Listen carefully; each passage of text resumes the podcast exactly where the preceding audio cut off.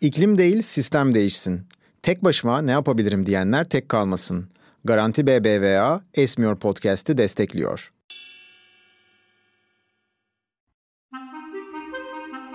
Esmiyor Podcast'in bugünkü bölümünde konuğumuz Aytaç Paçal ve yazın iklim değişikliğini biraz daha böyle yumuşak konularla böyle biraz daha soft geçmiştik. Ve sonbaharın da gelmesiyle bilimsel araştırmaların önceliklendirilmesine, onların ön plana çıkarılmasına ve onların tartışmasına tekrar geri dönüş yapıyoruz. Ben sevgili konuğumuzu tanıtmayacağım ama şuradan açıkçası nereden hani konukluk ilişkisini nasıl kurduğumuzu söyleyeceğim. Açıkçası Levent Kurnaz'ın bir LinkedIn paylaşımında Aytaç'la birlikte hazırlamış oldukları en son bir makaleyle ilişki bir cümle kurmuştu. Kendisi bu tarz cümleleri çok fazla kurmaz. Daha sonrasında Levent Hoca'ya hemen bir iletişime geçtim. Aytaç'la bir bölüm yapabilir miyiz diye. O da çok sevineceğini söyledi. Ve biliyorsunuz biz Esmiyor Podcast'te bir denge oturtmaya çalışıyoruz. Konunun bilimsel tarafını da tartışıyoruz. Konunun farklı alanlarla kesişimlerini de tartışıyoruz. Bilimsel alanı tartışırken bu alandaki hocalarımızla da tartışıyoruz ve aynı zamanda bu alanda gelecekteki çalışmalarıyla çok ses getirecek, şu anki çalışmaları da ses getiren doktor öğrencilerinin postdokları ve birlikte dirsek teması içerisinde çalıştığımız arkadaşları da burada paylaşmaya özen gösteriyoruz. Bu zaten bizim görevlerimizden de bir tanesi.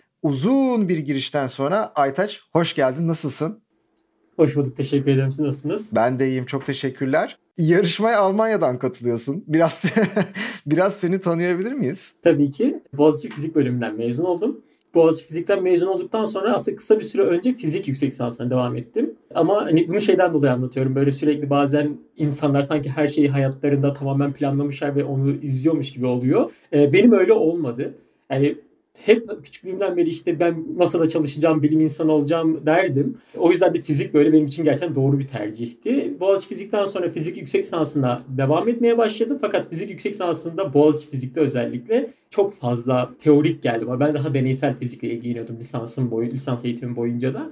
Söyledim ki herhalde ben fizik demek ki yüksek lisans bu kadar şey yapmıyormuşum. Bu kadar ilgili değilmişim demek ki fizik yüksek lisansıyla. Aslında ben buradan biraz Levent Hoca ile tanışmamızı anlatmak istiyorum. Levent Kurnaz o zaman Boğaziçi Üniversitesi'nde fizik bölümü yüksek lisans danışmanıydı. Ve ben dedim ki tamam ben fizik bölümünü bırakıyorum. Hani bu benim yapmak istediğim konu değil. O zaman daha başka bir alanda çalışıyordum. İklim değişikliği çalışmıyordum. Ama Levent Hoca'dan iklim değişikliği ile alakalı seminerler almıştım. Hani Levent Hoca'nın derslerini almıştım. Tanışıklığımız vardı. O da beni biliyordu.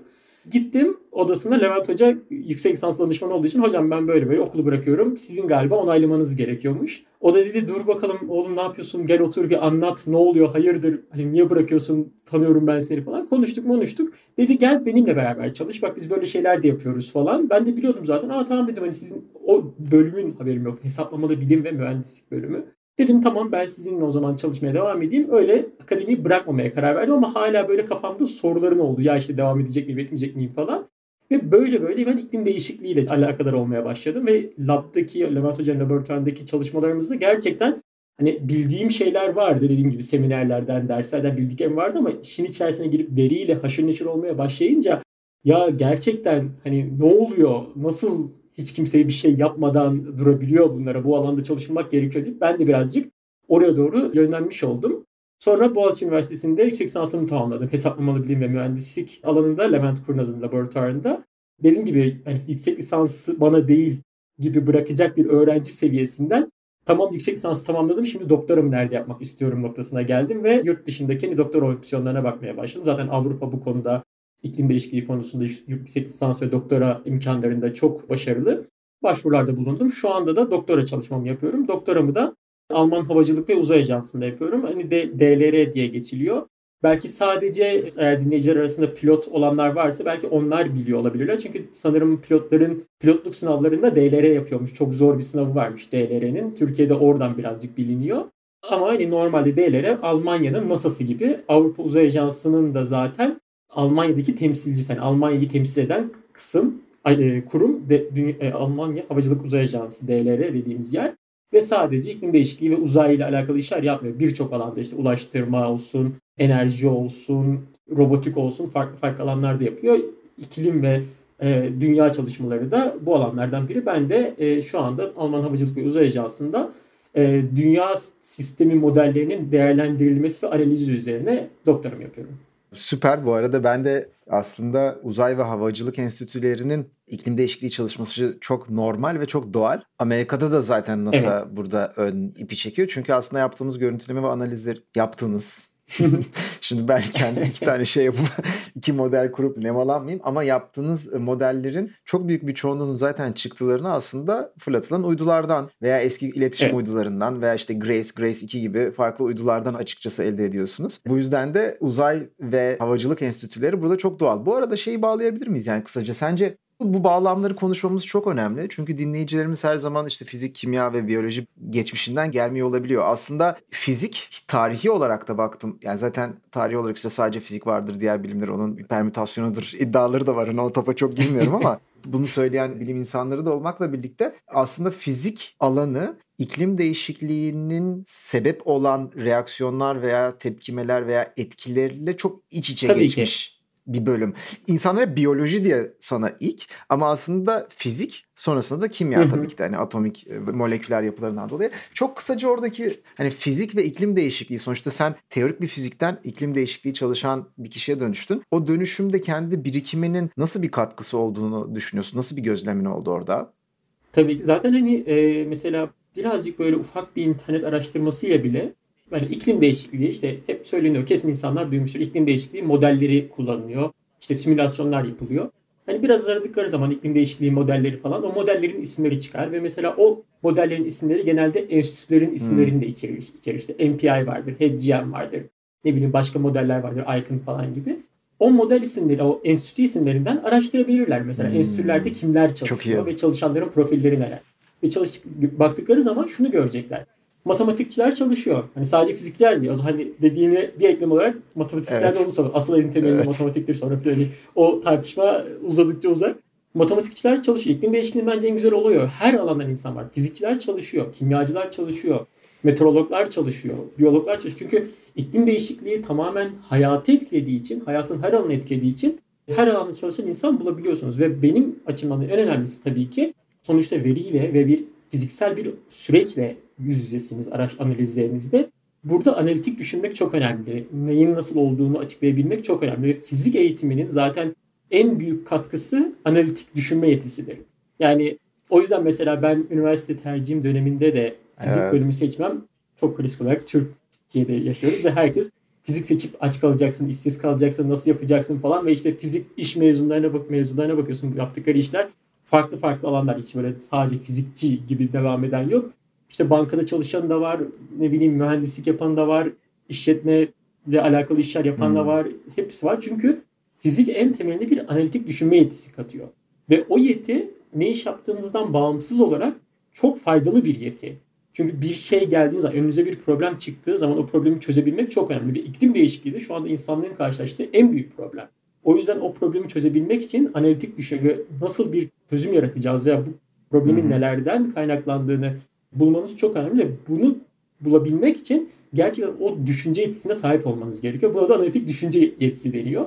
O yüzden fizikçi olabilirsiniz, matematikçi olabilirsiniz, kimyacı olabilirsiniz ya da bilimsel düşünme yetisini kendinize iterek de geliştirmiş olabilirsiniz. Ama önemli olan o sorgulama ve sorgulama sonucunda sonuç üretebilme yetisini kazanmaktır hmm. ve bu yüzden de e, ben hani hem yüksek lisansında hem buradaki doktora çalışmamda fizik eğitimimin çok artısını görüyorum. Çünkü gerçekten şeyi görüyorsun. Özellikle Boğaziçi fizik açısından kendi bölümümde reklamını yapayım biraz. Yapalım tabii ki bu arada. Yani son zamanlarda ihtiyacı da var. Lütfen Kesinlikle yani, çok iyi olur. Boğaziçi hocalarım her zaman yani her e, zaman sürekli böyle bir hocamın bana zamanında söylediği bir şey kulağımda böyle küpe gibidir. Yani bak o böyle demişti, şöyle yapmam gerektiğini söylemişti gibisinden.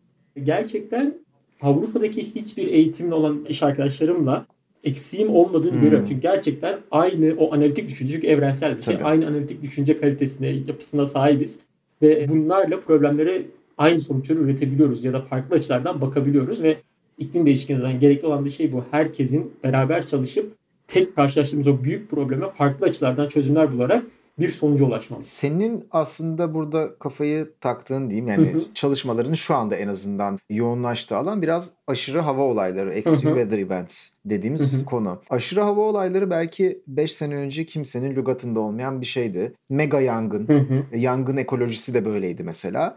Depreme ilişkin olarak da yani hani 99, 2023 o arada çok acı veren depremler olmakla birlikte maalesef konunun bilimsel tarafını göz ardı ettiğimiz zamanlar olabildi. Aşırı hava olayları ama son 5 yıl içerisinde Türkiye'de neredeyse herkesin en azından ağzından bir kez birkaç kez çıkmış bir şey. Ama aşırı hava olayının aslında tahmin ediyorum ki bir bilimsel tam bir terminolojisi, tam bir tanımı var mı bilmiyorum ama e, istatistiksel olarak işte son 5 yıllık ortalamada görülmeyen standart sapmasının belli bir üstünde falan gibi bir tanımı var mı aşırı hava olaylarının? Yani en azından konuşurken ne söylediğimizi bilelim. Hı hı. Yani mesela IPCC raporunda aşırı hava olayları direkt böyle e, sözlük tanımı olarak bir iklim altında çok nadir görülen olaylar olarak tanımlanıyor. Gerçi zaten aşırı hava olayını kelime olarak da aynı şey. O nadir olduğu anlamını geliyorsun.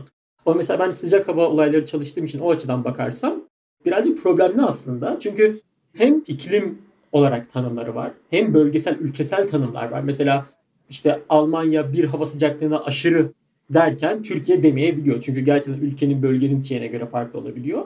Ama iklimsel olanlarda dediğin gibi bir dağılım alıyoruz. O dağılımın işte belirli yöntemler var. En çok kullanılan ya eşik aşma yöntemi, peak over threshold denen hani eşik aşma diye çevirebiliriz sanırım. Bir yüzde belirliyorsunuz. Diyorsunuz ki belirli bir tarih aralığında bir dağılımımız var hmm. ve bu dağılımdaki yüzde 95 sıcaklığın üzerindeki sıcaklıklara aşırı hava olayı diyorsunuz. Ya da maksimum blok metodu denen yöntem var. Onda da mesela diyorsunuz ki bir yılın içerisindeki her günkü en yüksek sıcaklığı alıyorsunuz. Hmm. Ve bunların içerisinden okay. en yüksek olan yani maksimumların maksimumunu seçiyorsunuz. Bir yıl içerisinde kaç defa? Mesela atıyorum 2020'de 3 defa işte 3 kat artmış eskiye göre. Eskiden bir kez 40 derece varken sallıyorum. 2023'te artık 3 kez 40'ın üzerinde sıcaklık var.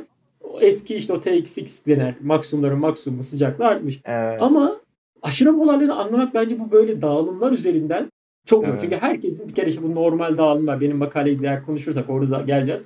İşte normal dağılım, Gaussian dağılım diye de geçer. İşte e, genelleştirilmiş aşırı generalized extreme value denen bir dağılım var. E, evet. Yani bazı dağılımlar ben, ben da, ismini biliyorum dağılımın ama tam olarak dağılımın ne yaptığını hani benim de bilmediğim dağılımlar var. Çünkü her şeyi farklı farklı anlatabiliyorsun. Bana o yüzden şey çok güzel geliyor. Aşırı hava olayı ne aslında tam olarak? Ve bir de hep şey vardır. İşte bir olay olduğu zaman ya bu her şeyi iklim değişikliğine bağlıyorlar. Evet. İşte 50 yıl önce de bak olmuş evet. 40 derece. İşte neresi bunun aşırı hava olayı? O zaman da olmuş. Olur bu böyle. Havanın sağ solu belli olmaz. Her an her şey olabilir. Hava durumudur bu falan gibi şeyler var. O yüzden mesela bana yani kabaca da olsa trafik analojisi çok güzel geliyor. İstanbul Hı-hı. trafiği analojisi. Bilmiyorum hani Hı-hı. umarım insanlar için anlayıcı şey olabilir.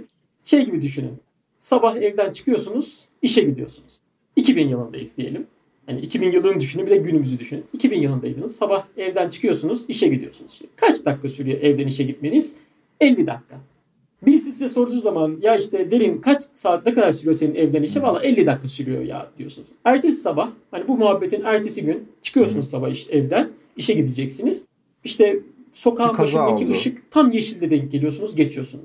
Bir anda öbür ışık da yeşil böyle hepsi pıt pıt pıt yeşil denk geliyor. 20 dakikada eve var, e, işe varıyorsun. E şimdi 20 dakikada işe var diyoruz. Aa iyi oldu bugün denk geldi. Ya da bir sonraki gün gene ha gene çıkıyorsunuz kırmızıya denk geldin. Tam geçerken orada yaya araba çarpmış yaya geçtiğinde herkes durmuş onu bekliyor. 50 dakikalık yol oldu 2 saat. Ama kimse size sorduğu zaman kaç saatte gidiyorsun? 2 saatte gidiyorum veya 20 dakikada gidiyorum demiyorsun. Ortalama 50 dakika diyor. İşte bu normal dağılımda böyle bir şeydir. Hani bir dağılımınız vardır. Sürekli en çok olan değer herkese söylediğinizdir. Ortalama değeriniz. Evet. 50 dakikada gidiyorum. 5 dakika, 20 dakikada gittiğiniz olmuştur. 50 dakikada gittiğiniz olmuştur. Bunlar da uç aşırılarınızdır. Bu 2000 yılı. Şimdi 2023'e geldik. Artık 2023'te İstanbul'un nüfusu arttı. Bu analojiyi o yüzden seviyorum. İstanbul'un nüfusuyla atmosferdeki karbondioksit gibi İstanbul'daki nüfus da arttı. Şimdi soruyor sen derin ne, zaman, ne kadar gidiyorsun sen işe? Valla benim işe gitmem bir saat 20 dakika, bir saat 30 dakika. Artık normalim bir saat 20 dakika. Diyorsun ya normal hep böyleydi ama bir bakıyorsun eski saatlerinde aa eskiden 50 dakikada gidermişim ya ben işe. Artık bir saat 20 dakika olmuş. Şimdi ortalamam bir saat 20 dakika olduğu için sokağın başında bir kaza olduğu zaman veya yan sokakta bir çalışma olduğu zaman of çok kötü bir gün oldu bu 2 saatte gittim demiyorsun. Çok kötü bir gününde 4 saatte gidiyorsun artık. Ve eskiden hiçbir gün bile 4 saatte denk gelmemişti. İşte aşırı hava olaylarının artması şu anda bu. Atmosferimizdeki karbondioksiti arttırdık. Artık o aşırılarımız eskiden hiç görmediğimiz noktalara geliyor. Ve e, evet eskiden 2 saatte olan şeyler vardı ama artık o 2 saatler bizim neredeyse sürekli 2-3 günde bir denk geldiğimiz şeye oldu. Evet 2-3 günde bir 2 saatte gidiyorum ben ya artık hani noktasına geliyor. Hmm. Ve bunu gerçekten istatistiksel olarak görebiliyor muyuz? Yani birazcık yavaşça hazırlamış olduğunuz makaleye doğru da gelirsek çıktılarının gerçekten korkutucu olduğuna ilişkin bir ifade vardı. Ben bu arada açıklamaları da ekleyeceğim. Anlayabilecek baba yiğitleri okumaya okumaya ve anlamaya davet ediyorum. Ama bir sonraki sorularda da zaten geleceğiz. Senin yani aslında genç nesil bilim insanlarının çok pozitif bir tarafı var. Birlikte bu iletişimleri yaparak da onu çok fazla görüyoruz. Araştırmaları yapıp bunun iletişimini yapmaya da e, özen gösteriliyor ve araştırmalarının teknik teknik dil bile hı hı. diyemeyeceğim çünkü bambaşka modeller üzerinden gidiliyor. Onun çıktılarının herkesin daha rahat anlayabileceği şekilde anlatılması lazım. Bu yüzden de ve sen bu konuda da çalışıyorsun ki onlara da geleceğiz. Oradaki öğrenimlerine de geleceğiz. Ama o popüler bilim iletişimciliği gözlüğünü takarak cevap vermek e, durumunda kalırsan bu makalenizin ve yapmış olduğu araştırmanızın çıktıları neydi acaba?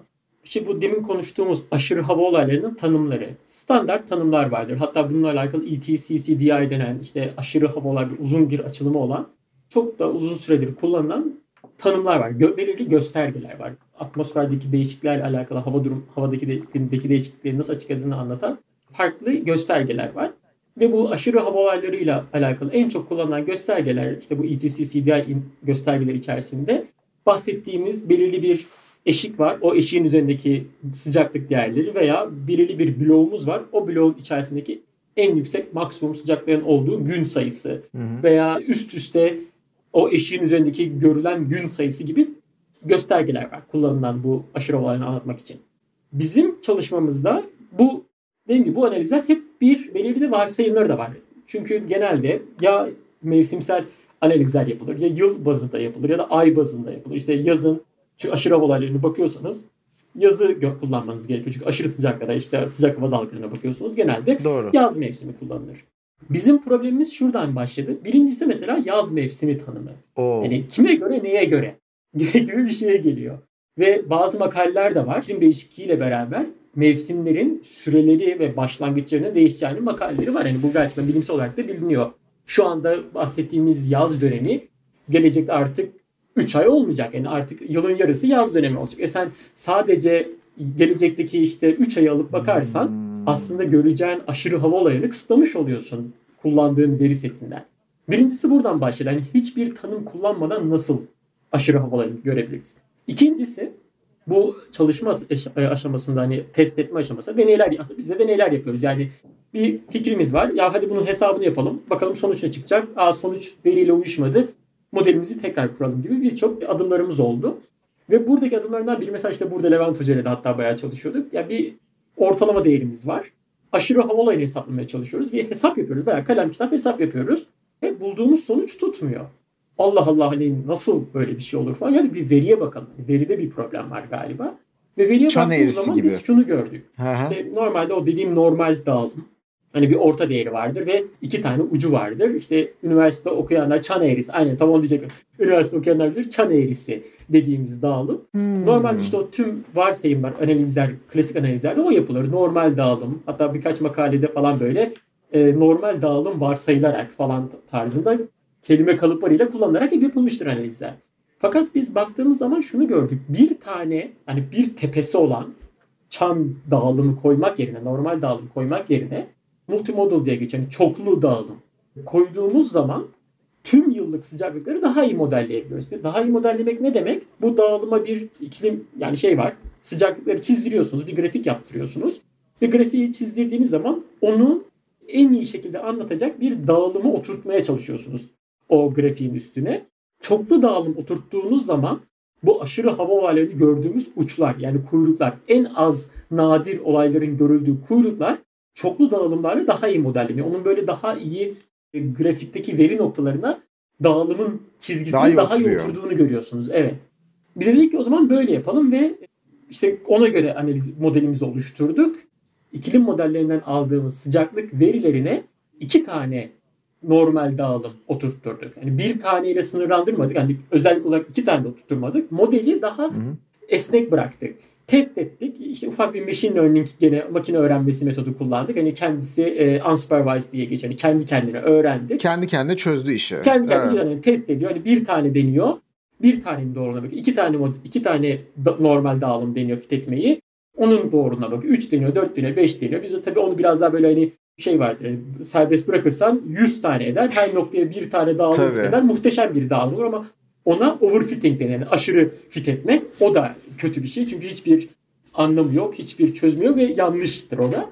O yüzden hani birkaç kontrol şemamız da oldu. Hani overfitting olmasın diye. Ve bunun sonucunda iki tane dağılımın iklim modelinden aldığımız sıcaklık dağılımları daha iyi tanımladığını bulduk. Bu bize ne kattı? Hani bir taneden kıyasla ne kattı? Birincisi dediğimiz gibi kuyrukları, uçları daha iyi tanımadık. Uçları daha iyi tanımlayabildiğimiz için aşırı hava olaylarının ne kadar değişeceğini daha iyi bulabildik. İkincisi o baştan bahsettiğim dönem işte yaz mevsimi mi, kış mevsimi mi, işte ay mı hiçbir tanıma girmeden modelden direkt iklim verisinden direkt sıcak dönem ve soğuk dönem olmak üzere iki tane hmm. kısmını çıkarabildik.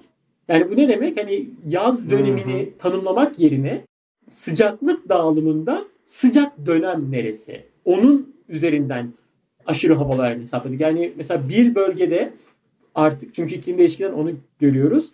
Bir bölgede geçiş dönemlerini kaybedip sadece çok uzun yazlar oldu ve hızlıca kışa geçtiğimiz dönemler oluyor, bölgeler oluyor mesela. E şimdi orada o zaman geçiş dönemleri dediğim şey yaz, e, bahar, ilkbahar ve sonbahar. Geçiş mevsimlerini kaybettiğimiz için tam o mevsim tanımları bu bölgelerde çalışmıyor. O yüzden eğer model kendisi öğrenirse veriden ne zamanın sıcak ne zamanın soğuk olduğunu so- sıcak dönem üzerinden ne zamanın daha da sıcak ne zamanın aşırı sıcak olabileceğini çıkarabilir. Yaptığımız model bunu sağladı. Son olarak da şu. Ne çıktı peki evet, abi? Onu bulduk. Yani çıktı olarak. Aynen. E, birincisi şunu bulduk. Mesela normalde dediğim gibi eski göstergelerde hep varsayılan tek dağılım. Biz ama 29 tane işte bu iklim modelleri SIMIP6 diye geçer. Hani en son e, farklı farklı senaryolar altında çalıştırılmış. Farklı senaryolarda gelecekte atmosferdeki karbondioksit miktarı hmm. nasıl olacağı ve buna karşılığında dünyanın nasıl ısınacağını sembolize eden diyeyim senaryolar. O senaryolarda 29 tane SIMIP6 modeli dediğimiz iklim modeli. Yani farklı farklı enstitülerin oluşturduğu farklı farklı modellerde veri setleri kullandık ki tüm veri setleri aynı şey mi yoksa hani çünkü şey de olabilir. Biz bir tane Doğru. setten test etmiştik. Belki o sette bir problem var. O modelde bir problem var. O yüzden 29 tane modelin hepsini test ettik. Kendimizi garantiye almak için aynı zamanda geçmişteki gözlem verileriyle de test ettik. Hani Hı-hı. acaba gözlemde de aynı şeyi mi görüyoruz? Belki de modellerin hepsi yanlıştı ve sadece modellerde görüyorduk. Gözlem verisinde test ettik ve şunu gördük. Hem geçmiş dönemde yani 1985'ten 2014'e gelen geçtiğimiz dönemdeki model sonuçları ve gözlem reanalizi sonuçları aynı şeyi gösterdi. İklim modelleri şöyle çalışır. İklim modelleri evet. dünya üzerinde oluşturulmuş küçük kutucuklar üzerinden çalışır. Yani her bölge küçük kutucuklar, gridler denir. Küçük kutucuklar üzerinden çalışır. %85'inden hani tam 89-68 gibisi ama %85 diyeyim. %85'inden fazlası iki tane tepe takip ediyor. Yani tek tepeli bir modelden daha iyi temsil ediyor iki tane tepe herhangi bir iklim kutusundan gelen veriyi. Ve ikincisi bu iki kutuyu gördükten sonra şeye baktık. Hangi bölgede bu bu tepeler nasıl değişiyor? O enteresan oldu. Bu yani ısınıyor mu anlamına mı geliyor Tabii yani, yani zaten ha? genel olarak tüm iki tepelerde ikisi de hepsi ısınıyor. Sıcaklığın hepsinin ısındığını bulduk. Ama ha, bu zaten tartışma konusu bu, değil. Çünkü genelde insanlar bunu bile evet, sorguladığı hani, bir noktadayız iki yani. Tepe, aynen öyle. İki tane tepe. Hani kesinlikle geçmişe kıyasla gelecekte tepeler sağa doğru Kayıyor. hareket ediyor. Aynen sıcak bölgelere doğru kayıyorlar. Biz şeye baktık. Tepeler birbirlerine göre nasıl sıcak bölgelere kayıyorlar. Şimdi iki tane bölgeye ayıralım dünyayı. Kutuplar ve orta enlemler. Kutuplarda şunu bulduk. Kutup hani hem kutuplarda hem orta enlemlerde iki tane tepe var. O iki tepelerden biri soğuk sıcaklıkları temsil ediyor. Diğeri sıcak sıcaklıkları temsil ediyor. Biraz kötü bir kelime. Ha, evet, ama hani rahat anlaması açısından. Soğukları ve sıcakları temsil ediyor. Kutuplarda şunu gördük. Kutuplarda gelecekte bu soğuk ve sıcak tepeler ikisi de ilerliyorlar. Daha sıcak oluyorlar. Ama soğuk tepe gelecekte sıcak tepeye daha yaklaşıyor. Hani ikisi aynı anda böyle simetrik şekilde hareket etmiyorlar. Soğuktaki tepe daha hızlı şekilde ısınıyor. Ve bu iki ayrı tepeyken geçmişte birleşip bir araya gelecekmiş gibi oluyorlar. Ama birleşip bir araya gelmeleri soğuktaki tepe daha sıcağa yaklaşıyor demek. Yani bu kutupları düşünce ne demek? Kutuplar çok soğuk. Yani kutuplardaki o aşırı soğuklar ısınıyor. Artık olmayacaklar. Ve kutuplardaki sıcaklar da artıyor. Ama kutuplardaki aşırı soğukların azalma hızı kutuplardaki aşırı sıcakların artma hızından fazla. Evet. Yani kutuplar çok Garanti BBVA, kurucusu olduğu SALT'ın iklim değişikliğinin etkilerine dikkat çekmeyi amaçlayan bu son şansımız mı gösterim programını destekliyor. 7 farklı ülkeden belgesel filmleri bir araya getiren 2024 seçkisi 29 Şubat ila 24 Mart tarihlerinde Salt Beyoğlu'ndaki açık sinemada ve saltonline.org'da izleyicileriyle buluşuyor. Gösterimleri kaçırmayın. Detaylı bilgi için saltonline.org'u ziyaret edebilirsiniz. Yani kutuplar tamamen ısınacaklar demek bu. Evet. Zaten buna Arctic Amplification da denir. Yani kutupların daha hızlı ısınması zaten bilinen bir şeydi. Hani biz bu iki tepeli modelle de bunu göstermiş olduk. İki tepeli modelde bunu çok net şekilde görebiliyorsunuz. Çünkü soğuk günleri temsil eden tepe çok hızlı bir şekilde ısınıyor. Sıcak tepeye kıyasla. Ve ikisi de ısınıyor aynı zamanda ve birbirlerine yaklaşıyorlar. Bu şeyi söyleyecektim aslında dinleyiciler bunu şu şekilde gözlerinde belki canlandırabilir. 1900'lerden e, beri çok popüler bir NASA'nın yayınladığı böyle bir her yıllık sıcaklıkların arka arkaya değişimini gösteren bir grafik vardır. Böyle dünya mavi başlar kızarır kızarır kızarır. En çok kızaran bölgelerde Arktik bölgesi ve güneydeki Antarktika Bir tek işte Grönland'ın güneyinde böyle bir buzların eriyip Atlantik Okyanusu'na karıştığı kısımda böyle bir mavilik var. Bir de aynı şekilde Batı Antarktika'da benzer bir yer var. Aslında bu anlattığın gözlemsel olarak o haritalarda gördüğümüz kırmızılaşmanın bilimsel olarak daha iyi modellenmiş ve tanımlanmış hali olarak evet. anlıyorum. Evet yani arkadan gelen yani mesela şey gibi hani geri analoji yaparsak daha iyi anlaşılması açısından bir 100 metre koşusu yarışı gibi düşünelim. İki tane atletimiz var. Hı hı. Bu atletlerden biri soğuk atlet, biri sıcak atlet. Hı hı. Kutup bölgesinde yaptıkları zaman bu yarışı İkisi aynı anda başlıyorlar diyelim yarışa. Ama sıcak atlet soğuk atletten böyle 10 metre önde.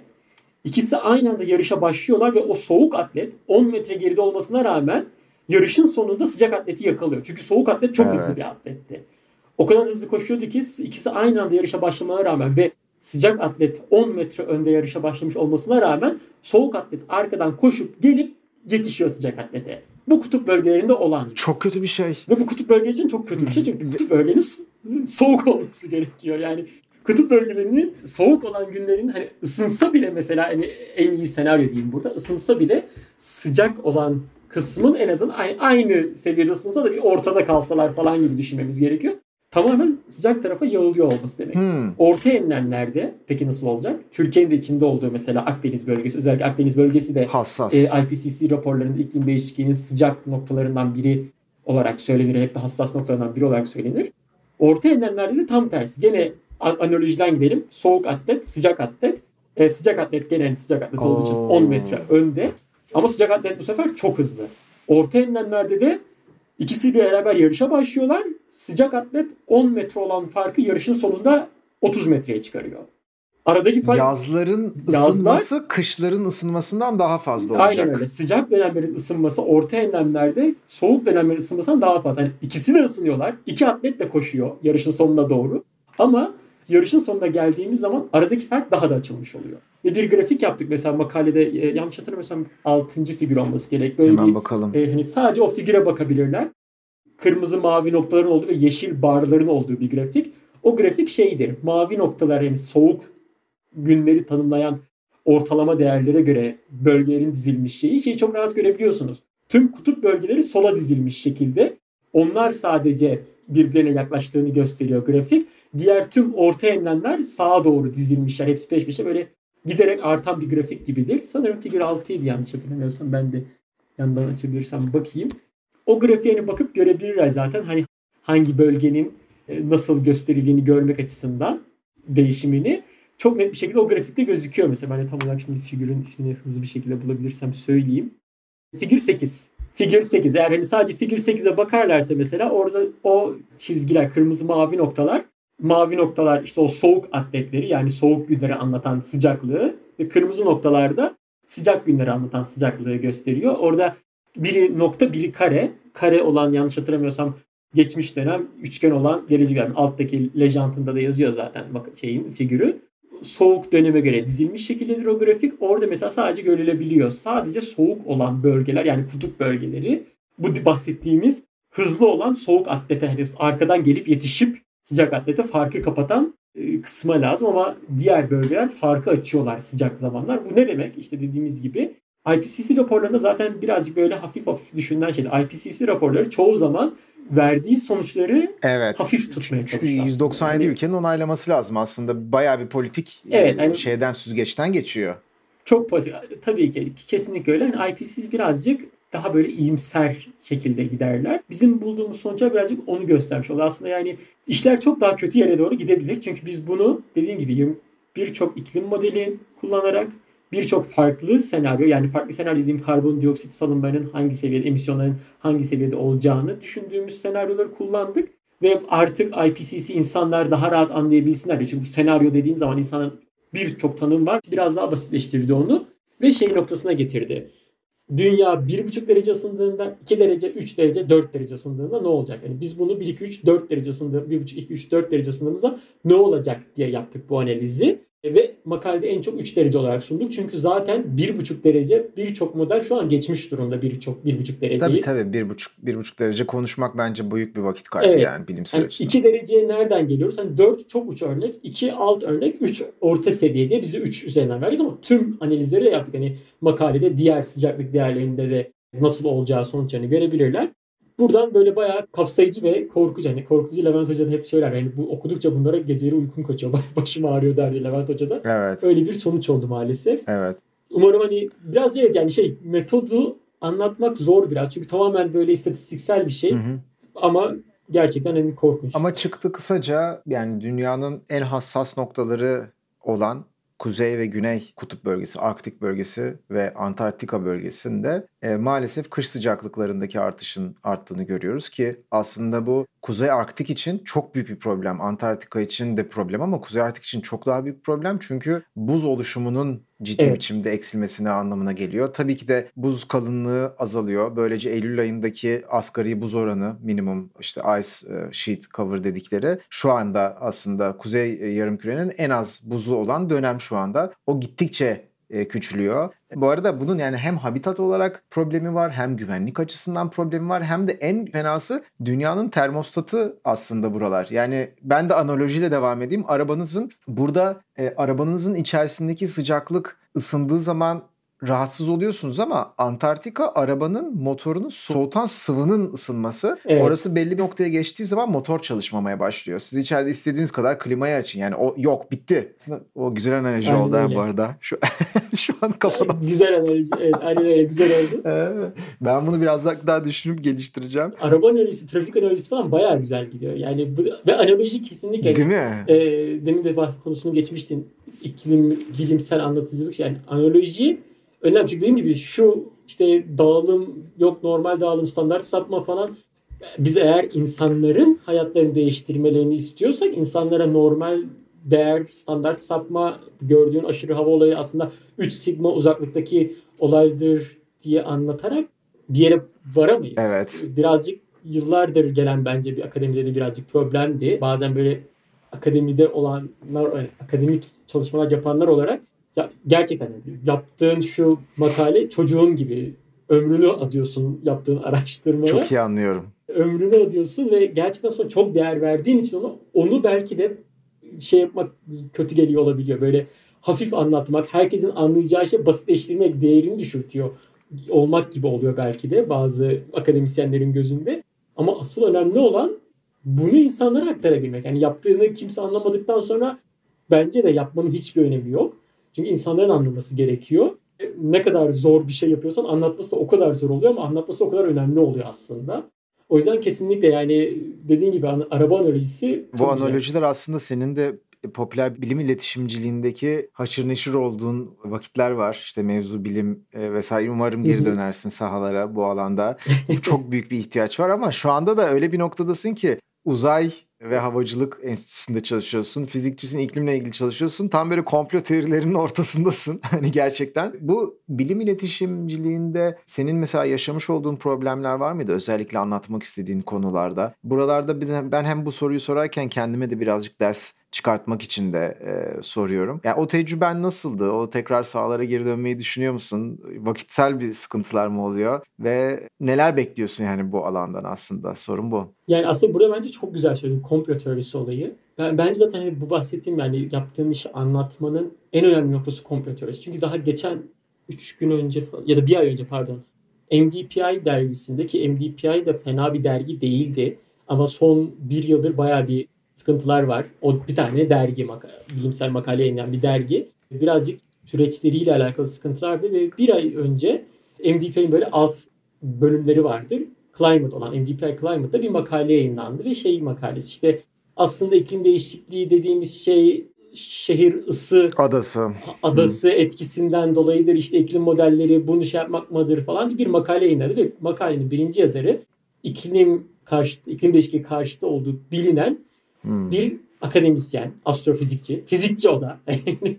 Benzer alanlardayız ama iklim değişikliği karşıtı olduğu bilinen 2003'te çok yazdığı büyük böyle bir sansasyon yaratan makalesi olduğu bir adam ve hatta nasıl ne oldu da bu makale MDPI'de yayınlandı diye bakıldığı zaman MDPI'nin bir özel sayısında yayınlanmış ve özel sayının özel sayılarda dergilerin genelde editörler, davetli editörler olur. Ortaya çıktı ki aslında bu editörü nasıl çağırmışlar? Çünkü editör de iklim değişikliği karşıtı bayağı körler sağırlar birbirine ağırlar olmuş ve bir makale yayınlamışlar.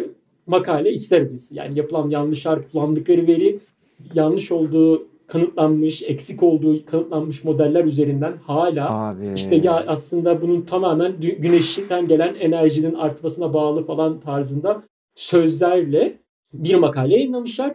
Tabii bu makaleyi yayınladıktan sonra şimdi makalelerde mesela şey vardır işte ne kadar atıf aldığın önemlidir. işte ne kadar ne bileyim yaptığın çalışma raporlarda kullanıldığı önemlidir. Bir de bu akademisyenleri ve araştırmacıları bilimsel anlatıcılığa teşvik etmek için outreach'e, scientific outreach dediğimiz şey teşvik etmek için yeni skorlar üretiyor dergiler. İşte artık Twitter'a, ne bileyim e, popüler blog sitelerine falan da bakıyorlar. Tabii. Mesela bu bahsettiğim makalenin korkunç bir altmetrik skoru var sadece skora baktığınız zaman bu makale korkunç ilgi çekmiş bir makale ki makalenin iklim değişikliği karşıtı yazarının kendi bir blog sayfası da var. Tabii, tabii. O da bu, o kendisi de onu şey yapıyor. Gördüğünüz üzere makalemiz ne kadar insanlar tarafından ilgi çekiyor diye. Çünkü makaleyi kimlerin paylaştığına bakıyorsun.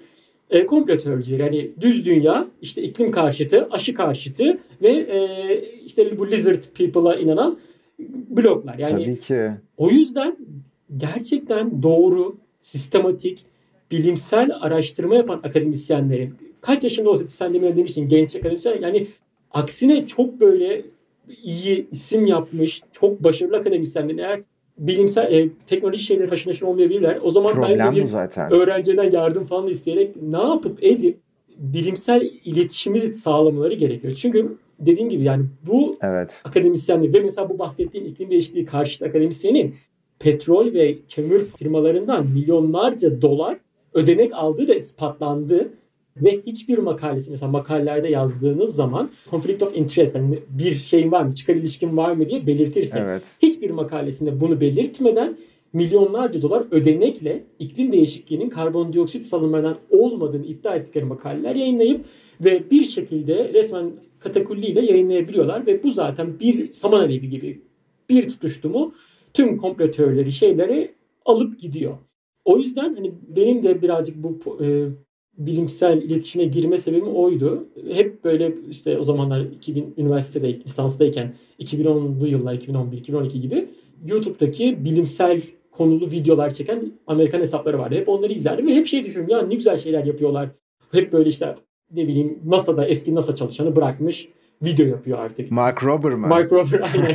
işte nasıl çalışanı bırakmış video yapıyor. Efsane. Ne bileyim matematikçi bir matematik departmanı hocaları matematiksel konular hakkında işte ne bileyim birden sonsuza kadar sayıları toplarsan ne olur falan gibi. Numberville miydi o da? Number, Numberville aynen öyle. Hani videolar ve Efsane videolar bayağı eski. Yani çok Evet. güzel videolar. Hepsi işte adı var altta da yazıyor. Bilmem nerenin profesörü, bölüm başkanı, matematikçi, profesör. Ya hep dedim ya niye insan bizde böyle şeyler yapılmıyor? Şimdi şimdi yapılıyor artık. Şimdi yapılıyor. Ve o zaman işte ben de hani, yani aslında biraz mevzu bilim ilk Türkiye'deki e, bu tip böyle bilimsel Öyle. konulu kanallardan biriydi Öyle. aslında. Yani ben çünkü ilk videomu 2011'de yayınlamış olmam gerekiyor. Zaten YouTube 2008'de mi ne kuruldu galiba. Evet. Hani çok ye- yeniydi yani. Çok early adapter bir olay. Çok şeydi. Ama dediğin gibi o zaman hani daha lisans öğrencisiydim. Fizik bölümü de zor bir bölümdü.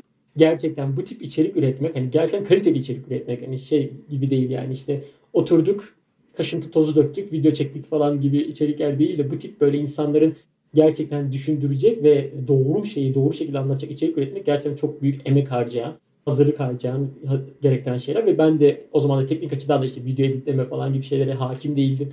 O kadar da bilgisayarım da çok iyi değildi falan. Bir süre sonra baktım çok zaman alıyor. Yani bir videomu hazırlamam benim böyle bir ay boyunca araştırma, tam o metni yazma, neyi nasıl anlatacağımı düzenlemesini yapma sonra oturup böyle bir hafta boyunca anca bilgisayarımda işte videonun editlemesini yapma. Hani bir video çekmek bir buçuk ayımı alınca ya hani olmuyor bu iş falan deyip sonra bırakmış oldum. Sonra işte bu iklim değişikliği üzerine devam edince zaten Levent Hoca ile de birazcık ilk çalışmaya başladığımız öyle ol- olmuştu. O benim videolarımı bildiği için gel beraber senle yapalım bu işi diye e, başlamıştık. Korona döneminde herkes evde olunca bu güzel bir bizim için bir fırsat oldu. Korona döneminde bayağı bir son buzul erimeden Hı hı. ee, ve iklim muhabbetleri programı yaptık. İki farklı program yapıyorduk o zaman. İklim muhabbetlerinde çarşamba günleriydi. Sadece konuklardan, hani izleyicilerden gelen soruları aldığımız ve ben hani eğer soru gelmezse ben orada genelde şeytan avukatlığını yapıyordum. Hocam işte güneşten iklim değişikliği oluyor diyorlar. Hocam aslında karbondioksit değil de başka bir şeyden. Buzul çağları nasıl açıklarsınız? Evet hocam işte buzul çağında değilmişiz ondan dolayı böyleymiş. Hocam işte bunlar şeylerin yenilenebilir enerji firmalarının komplo tamamen işte para kazanma şeyleri var. evet. Ben orada şeytan avukatlığını yapıyordum. Öyle güzel konularımız oluyordu. Cuma günleri de işte son buzul erimeden ilk başta aslında şey diye başlamıştık. Makale okuyup makaleleri anlatıyorduk. Böyle makaleleri aynen burada benim makale anlatmaya çalıştığım gibi daha kolay bir şekilde ne yapmışlar bu makalede, ne olmuş, neyi bulmuşlar, neden önemli gibi herkesin anlayabileceği şekilde. Daha sonra hani o bayağı aslında o güzel olmuştu ve e, sonra konuklar almaya başlamıştık. Biz de aynen Esmiyor podcast'i gibi. Bayağı böyle hani akademisyenler, doktora öğrencileri onlarla ne çalışma yapıyorlar, ne yapıyorlar, ne ediyorlar gibi YouTube'da öyle yayınlar yapmıştık. Sanırım e, yani bir seneye yakın sürdü her hafta. Bir sene neredeyse yayın yaptık. Bayağı bir uzun oldu. Evet. Bayağı da güzel oldu aslında. Bayağı bir insan e, yani izleyiciler sürekli izleyeceğimiz de vardı ama bir süre sonra tabii ki korona zamanı bitip herkes evden çıkmaya başlayınca oturup Tabii. bir, ekranda bir şeyler izlemek birazcık vakit alan bir şey. E, o yüzden izleyici sayılarımız düşünce biz de dedik artık bir mola verelim. Öyle bir ara vermiş olduk. Yani mevzu bilim kendi kanalımdı benim. Hani onun üzerinden de ben yayın yapıyorduk o zaman.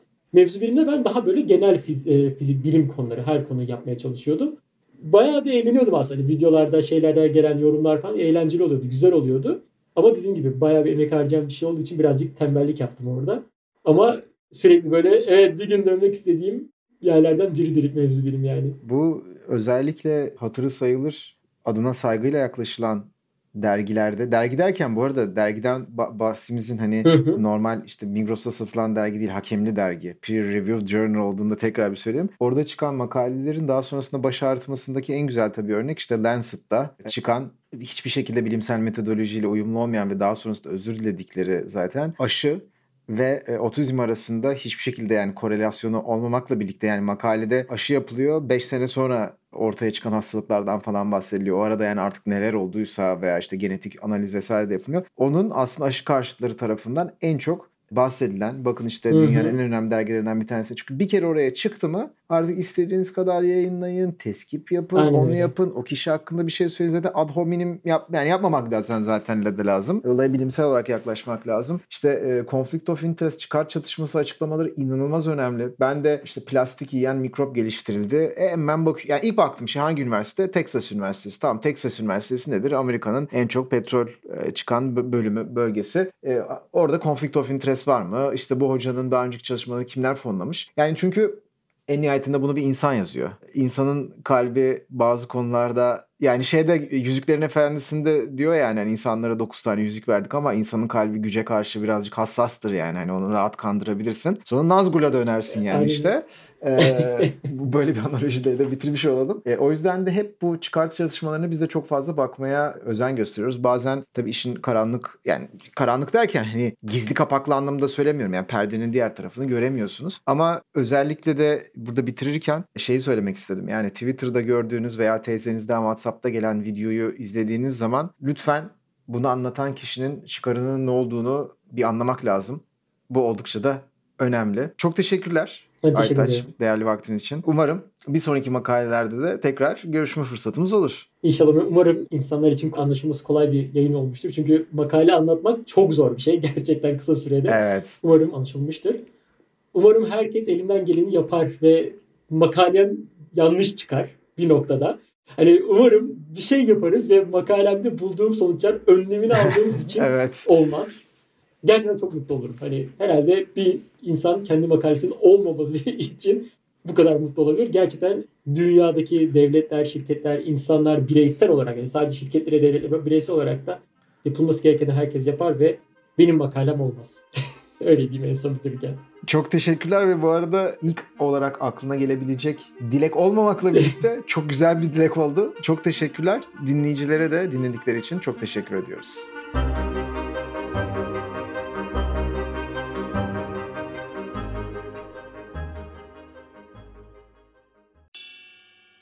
İklim değil sistem değişsin. Tek başıma ne yapabilirim diyenler tek kalmasın. Garanti BBVA Esmiyor Podcast'i destekliyor.